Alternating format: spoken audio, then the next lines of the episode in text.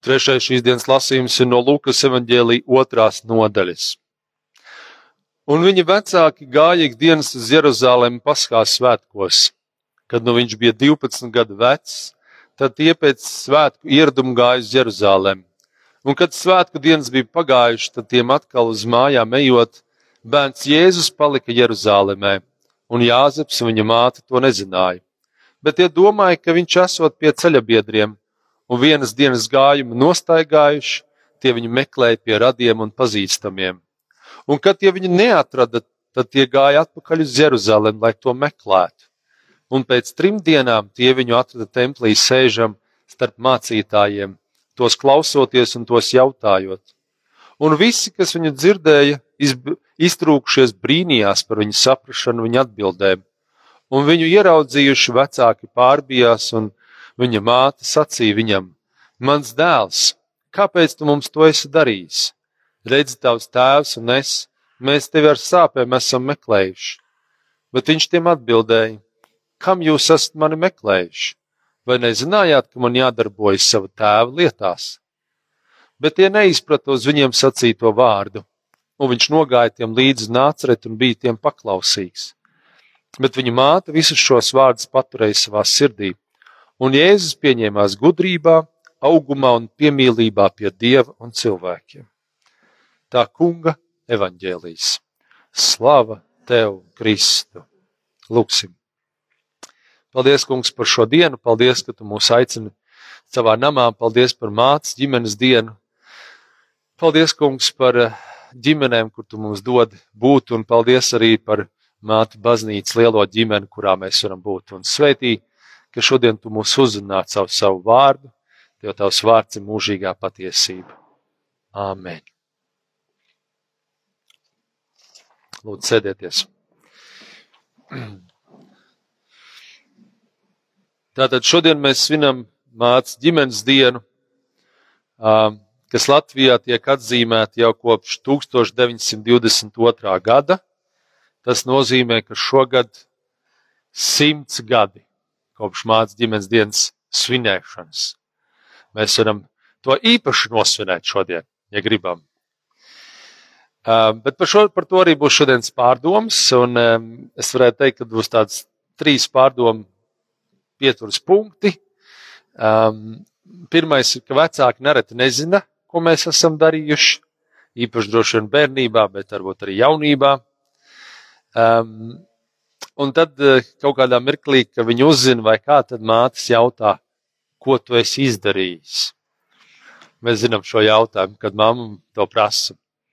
Uzbeidzot, domāsim par to, um, kā Marija paturēja Jēzus vārdu sirdī un kā mēs varam paturēt to, ko, ko es gribētu teikt, Dievs dara pie mūsu bērniem. Ka mēs to ievērojam, ka mēs paturam sirdīs un ka mēs to nu, kā, vērojam un, un līdzdarbojamies Dieva darbībai. Tātad šīs dienas raksturvieta, ko pārdomās Lūkas evanģēlijas otrā nodaļa, kā jau teicu, par to, kā svētā ģimene Jāzeps, Marija un Jēzus dodas uz Jeruzalemi, uz, uz svētkiem. Un, un tad, tad viņi tur ir bijuši šajos svētkos, un tad viņi dodas māju ceļā, un vecāki secina, ka, ka Jēzus nav ar viņiem, 12 gadīgs puika. Un tad, protams, viņi prasa, pie viņiem nav, tad prasa pie radiem, pie vēl kaut kā, nav ne pie viena, viņi iet atpakaļ, viņi meklē. Un mēs reiz, protams, varam teikt, Un, nu, tā kā kretīta pirksts šai ģimenei, fuj, fuj, fuj, nu kā tad tā var bērnu atstāt?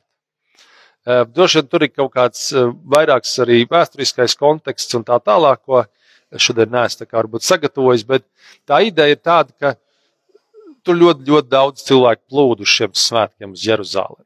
Un pēc tam tikpat daudz plūdu projām.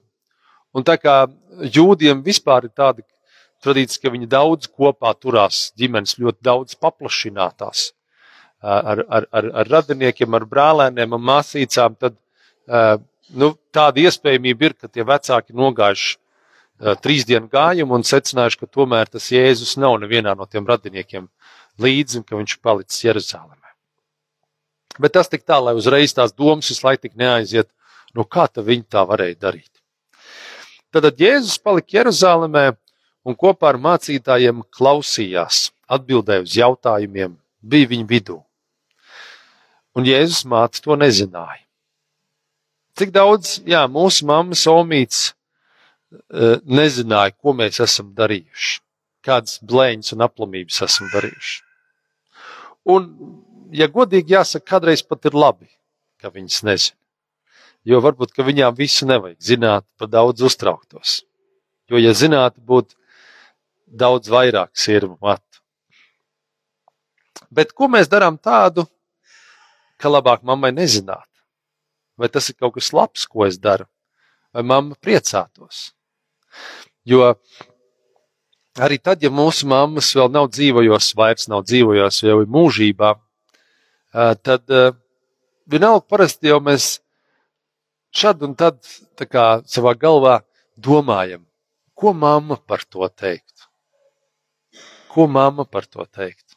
Ne? Varbūt arī teica, bet šodien mēs koncentrējamies uz, uz, uz mamām vairāk. Ja? Tēva diena ir atsevišķa, mēs par to runāsim. Un vai es savā dzīvē ar to savu darbību mammu iepriecinātu? Un, un jāsaprot, protams, mums var būt dažādi vecāki, un, un, un nevienmēr mums jāizdara viss tā, lai mammai patiktu. Bet kopumā tādās, tādās līnijās.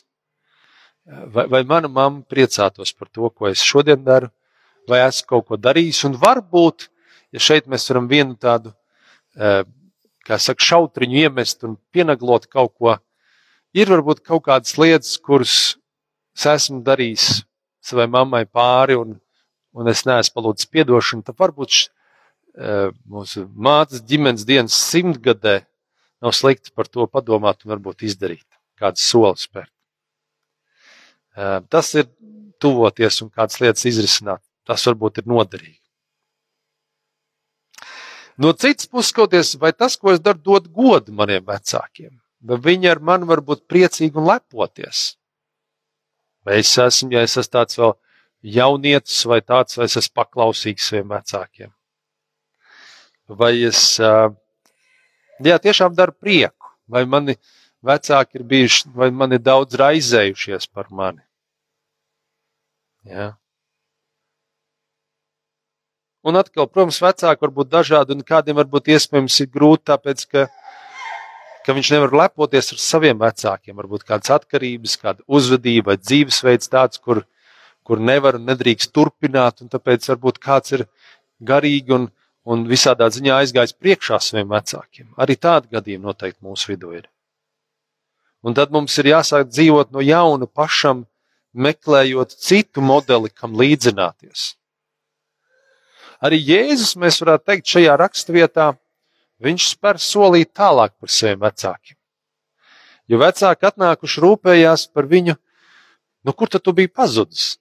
Un viņš tāds, vai tad jūs nezināt? Man jādarbojas tēva lietās. Un es domāju, ka mamma domāja, nu gan baigais, baigā atbild pusaudzi. Pat šodien mēs teiktu, beidz te aizrunāties, beidz attaisnoties. Tev nevajadzēja nepaklausīt vai palikt un nepateikt mums, ne? Un tomēr, ja mēs paskatām bišķi notikumiem uz priekšu, Marija paturēja šos vārdus sirdī, ko Jēzus bija teicis. Jo kaut kas tajos vārdos bija. Un pēc tam viņi vēlāk noteikti sapratīs šos vārdus, kad Jēzus no 30 gadu vecuma sāk kalpot debesu valstības lietās.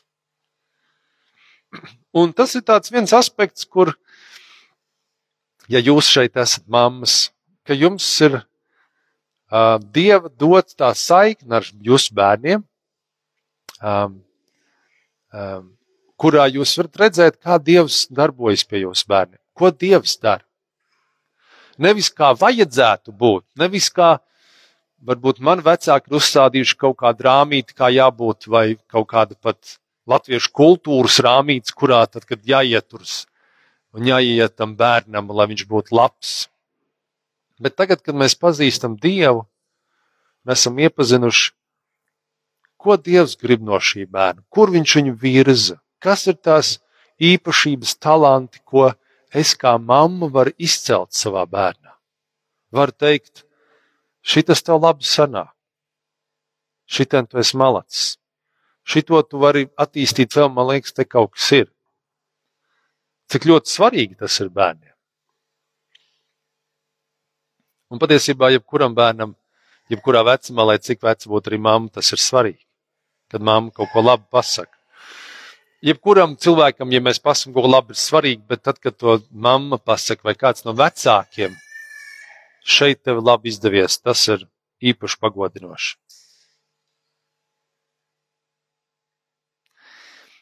Iesim solīt vēl tālāk, vai tas, ko es daru, pagodina man debesu tēvu un māti baznīcu. Dievs patiesi redz visu, ko mēs darām, vai mēs ar savu rīcību pagodinām Dievu. Vai es esmu atvērts un atbalstošs mūsu Latvijas evaņģēlas Lutheriskai baznīcai, kurai es garīgi piederu un kurā es varu kalpot. Jā, kopumā šo pirmo sadaļu tā kā noslēdzot, cik ļoti mūsu bioloģiskās mammas un naumītes, un, un varbūt mums ir bijušas, kas saka, auģu mammas vai kā, cik viņas un mūsu māte baznīca var mums lepoties. Cik daudz mēs esam atvērti bijuši un, un, un darījuši esam labi, lai mūsu mammas būtu priecīgas. Un ko mēs darām, kad esam aplam uzvedušies? Jēzus mātei bija sāpīgi uzzināt, ka Jēzus nav līdz ar viņam un, nav atstājis Jeruzalem, bet palicis. Es domāju, ka šeit tik viena mamma būtu pilnīgā tādā panikā. Ā, kas notiek? Bērns ir pazudis vairākas dienas. Kur viņš ir? Kas viņu varēja notikt? Es pieļauju, ka Marija bija diezgan lielā tādā nesaprašanā, izmisumā. Ja mēs varam dzirdēt, varbūt emocijas pat šajā telpā teikumā, ko viņa teica: Mans dēls, kāpēc tu mums to darījis?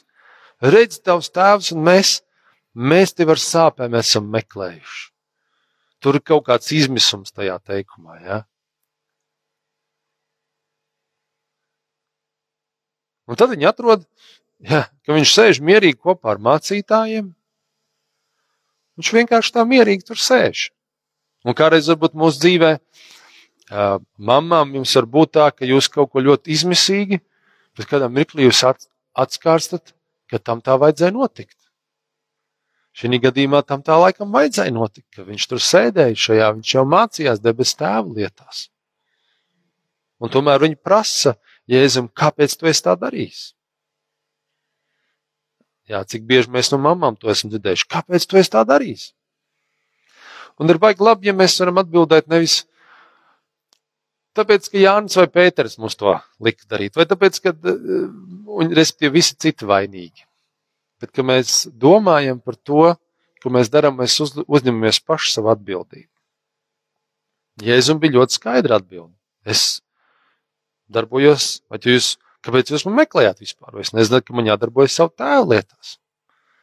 Un tāpat laikā viņš bija paklausīgs un nogāja līdz mammai.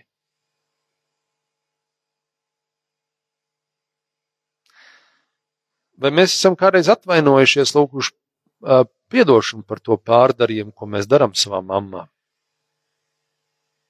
Varbūt, mēs līdzīgi kā Jēzus esam jutušies, ka neko tādu jau neesam izdarījuši. Bet mammai, mammai tas bija sāpīgi. Mums varbūt ir kaut kāds savs attaisnojums vai pat arguments, kāpēc tā esam rīkojušies, bet, bet tas nemazina to faktu, ka mums tuvam mīļam cilvēkam ir bijis sāpīgi un viņi ir uztraukušies. Es atceros, kad man omīte vēl bija dzīva, viņa tagad mūžībā. Viņa man piezvanīja 4. vai 5. janvārī. Kad es pacēlu klausuli, viņa teica apmēram tā: Ak, tad dzīves vēl esi, jā. No viņas vārdiem sapratu, ka kaut kas nav labi, bet es uzreiz nesapratu, kas nav labi. Nu, es neesmu viņai piezīmējis jaunam gadam iesākoties. Un ir pagājuši četras dienas jaunajā gadā, un es neesmu piezīmējis. Un es domāju, pff, nav jau tik liels lieta, bet viņai tas bija, kāpēc es nepiezvanīju? Ja? Un kādreiz ir, e, mēs, kas esam aizņemti kādās lietās, mums tas laiks skrien, un mums nav laika tam šim vēl kaut kam, bet kādam cilvēkam, manā gadījumā šeit omītei, sēžot mājās, un jauns gads iesācies, un viņas dzīvē varbūt tas ir pēdējais, viņai tad bija pāri 85 noteikti, nepateikšu precīzi, kā tas bija.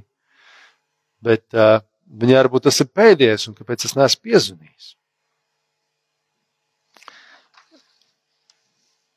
Un man arī bija savi argumenti, kāpēc nepiezvanīja. Man bija tas un tas, bet tas nemazināja viņas, viņas sāpes vai viņas šo gaidas, kad es piezvanīšu. Un ko mēs tādās reizēs darām? Vai mēs mēģinām attaisnoties un varam teikt, nu, tās jau omīts. Vai mēs tomēr atrodam to laiku un iespēju piezvanīt? Arī tad, ja viņas jau ir varbūt sadusmojušās. Arī tad, kad viņas jau tur papurpina. Varbūt šajā ģimenes mācības dienā mēs varam padomāt kādu lietu, kur mēs esam darījuši pāris vai mammai, vai omītei, vai cik nu mēs esam gados, un lūgt atdošanu. Arī tad, ja viņi vēl šeit varbūt vairs nav šajā saulē, varbūt viņi jau mūžībā ir vienalga. Palūgt atdošanu. Teikt, tas nebija labi, ko es darīju. Tas jau mums pašiem ir vajadzīgs, ka mēs to no sirds atdodam, ka mēs atraisamies no kādām lietām, kas mūsos nav tāda, nenes kāda rūkuma iekšēji. Kā sirdsapziņas izmeklēšanas materiālā dvēseles spogulis mēs tiekam jautāti, vai es neesmu izvairījies no kāda pienākuma draudzē vai tuvākā priekšā. Šeit mēs varam padomāt un saprast, vai es neizvairos no kādiem pienākumiem tuvākā priekšā, vai kā dzirdējām bauslī, vai es godāju savu tēvu un māti. Un tas, protams, nav ļoti plašs tas jēdziens un nav viegli saprast, kas tas ir.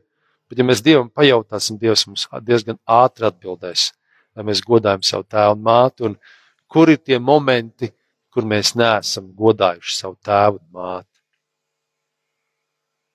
Jā, varam arī padomāt, ko mēs esam labu vai nelabu darījuši mūsu baznīcai, mātei, ko mēs varētu labāk darīt nākotnē, kas būtu tas, ko es varētu ieguldīt, vairāk darīt, vai mammām piezvanīt, parunāties biežāk. Visbeidzot, Dievs noteikti redz to, cik ļoti mammas un omītes pārdzīvo par saviem bērniem, mazbērniem.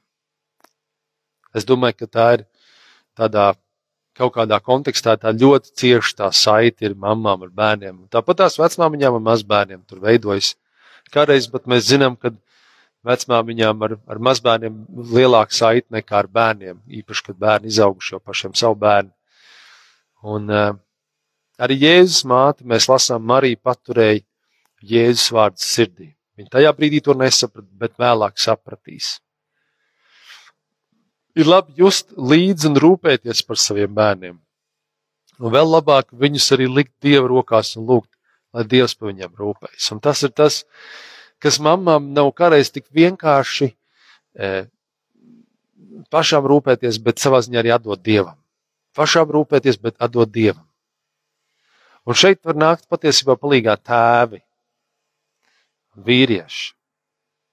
Jo, jo vīrieši te, tie, kas tomēr dod bērniem tādu brīvību, vairāk tādu, nu, tā kā mammas rūpējās par drošību, drošību, drošību, būtu mamma, pasauli būtu visur pilveni salikt, viss būtu ar apaļiem stūriem, vispār bez jebkādas iespējas kaut kur aizķerties, nokrist, sasisties. Bet vīrieši dod tiem bērniem visu to telpu, viņš vairāk ieskriet, dabūt to pirmo puniņu, to pirmo apdagumu, lai tā kā saprot pats arī. Un, um, un tas ir tas, kur, um, kur var palīdzēt. Ja mēs arī lasām šajā rakstvietā, Jāzeps vispār tur beigās nemaz nefigurē īsti. Droši vien, ka viņš gāja līdz Marijai apakaļ meklēt jēzus, bet viņš neko nesaka. Un kādreiz sieva saka, ko tad tu neko nesaki? Atpazīstam, jā. Ja? Kāpēc tu neko nesaki? Tu neko nedari. Ko tur, tur baigi teiks tajā mirklī? Kādā mirklī varbūt vēlāk vēl kaut kāda saruna var notikt un, un kādas lietas pārnāt. Bet tajā mirklī varbūt ir viss jau pateikts. Proti, ka mammas ir ļoti svarīgi, ka viņas fiziski rūpējas par bērniem, sagatavo ēdienas vēl kaut kas vai kāds sievas mācības, kas atbrauc ciemos un ļoti garšīgs kotlets sacep. Un tā, tas, tas ir ļoti īpaši un svarīgi. Bet mamām arī jāļauj bērniem doties. Principā tas mērķis ir uh, piedzemdēt bērniņu, un tad ir mamām doti 18 gadi, lai viņas lēnām, lēnām, lēnām atlaist savā dzīvē. Un kādā mirklī to nabas saiti tā ne tikai fiziski pārgriež dzemdībās, bet arī garīgi. Viņi tiek pārgriezt un ļaut bērnam iet savā dzīvē turpināt lūgt, turpināt gaidīt, ka piezvanīs, atbrauks ciemos un tomēr palaist dzīvē. Tas arī ir svarīgi.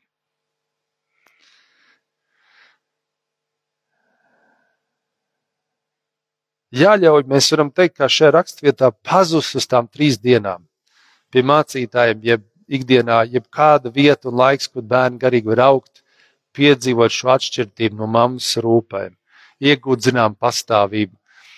Tie, kas ir bērni, kas iet kādā sportā, viņi agrāk vai vēl tas notiek, viņi braļbrauc uz nometnēm, vēl kaut kur, un tad viņiem ir tā atšķirība no mammas, un tad viņi, tie bērni iemācās, no kā tad tagad bez mammas dzīvot tālāk. Tā kopā savēlkot, jeb citiem vārdiem sakot, mammas nomītas rūpes ir jālīdzsvo ar tēva un vectēva doto tādu redzējumu, tādu saikni ar Dievu, kur tāda, protams, ir. Protams, daļai no mums tēva un vectēva nav bijuši par garīgu paraugu, tad tas jāmācās mums pašiem. Neret, kur tēva un vectēva, um, um, kur nav šie tēvi un vectēvi, tur šī līdzsvara iegūšana jāuzņems pašai mammai. Diemžēl.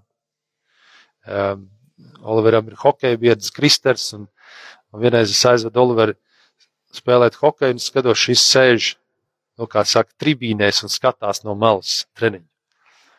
Un es viņam prasu, nu, ko tad šis nav treniņā? Viņš saka, nu, es nobastoju skolu, mamma zvanīja un teica, ka uz treniņu nevar iet. Šeit tagad var redzēt, ka tā siekala tek, ka gribās treniņā piedalīties, bet nevar. Jo mamma ir pateikusi, nobastoju skolu, treniņš nebūs.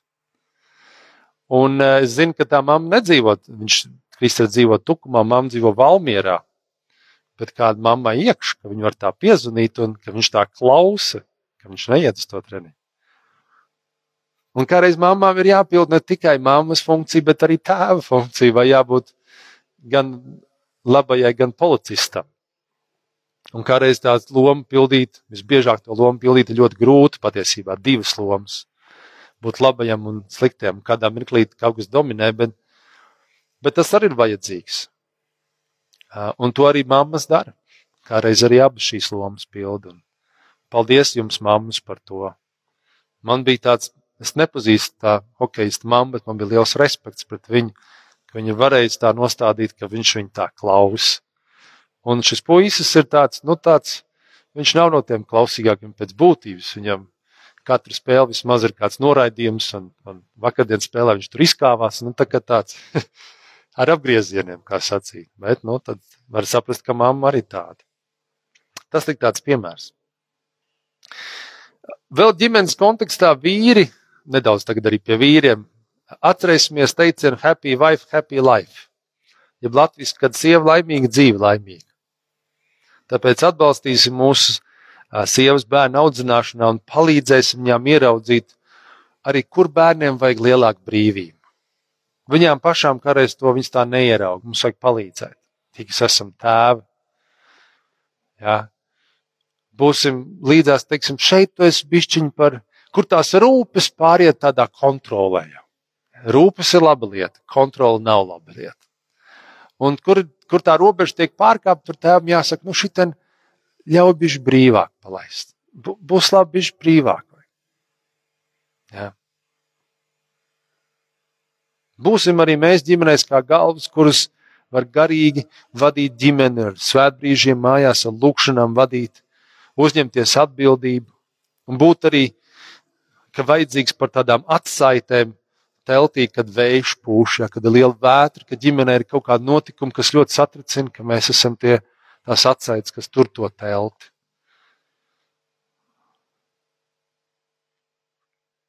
Jūs, sievas, mammas, omītes, sakiet vairāk saviem vīriem, vīriešiem atzinības vārdus.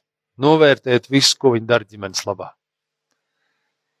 Centieties saskatīt to, ka, ka vīrietis ienes ģimenē tādu līdzsvaru gan bērnu audzināšanā, gan dāvājot brīvību, kaut kur visatļautību, kur atkal ir tā robeža pārkāpt kādreiz tur, kur jūs dāvājat rūpes.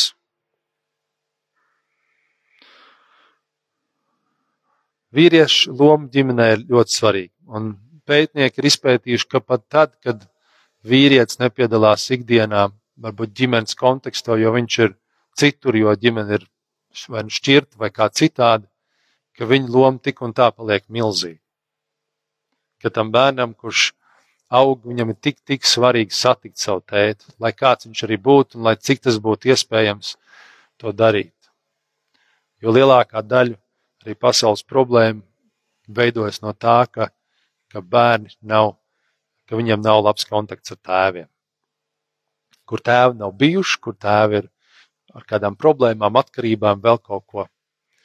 Tāpēc tas ir ļoti svarīgi. Un to, to līdzsvaru ģimenē iedod, protams, mamma un tētis. Un, un mamām ir svarīgi ieraudzīt, ka vīrieši iedod to līdzsvaru. Lai cik nepilnīgi viņi būtu, kā mamām liekas, protams. Mēs jau visi te zinām. Un tomēr vīrieši iedod to līdzsvaru. Tas ir vajadzīgs. Lai Dievs mūs svētī šajā mācību ģimenes dienā, ka mēs tā domājam par to, ka mēs mēģinam viens otru uzlūkot kā tādu palīdzošu riteni, kā palīdzošu atbalstu bērnu audzināšanā, un ne tikai bērnu. Šodien vairāk tas teksts tieši par Jēzu, 12 gadnieku.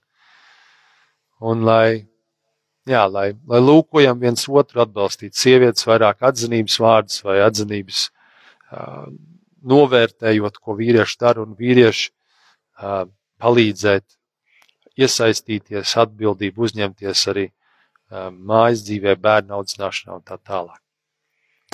Lai Dievs šajā mācību ģimenes dienā mums dod to pārdomāt un katrs kādu lietu no tā, ko šodien dzirdējām, arī izdarīt.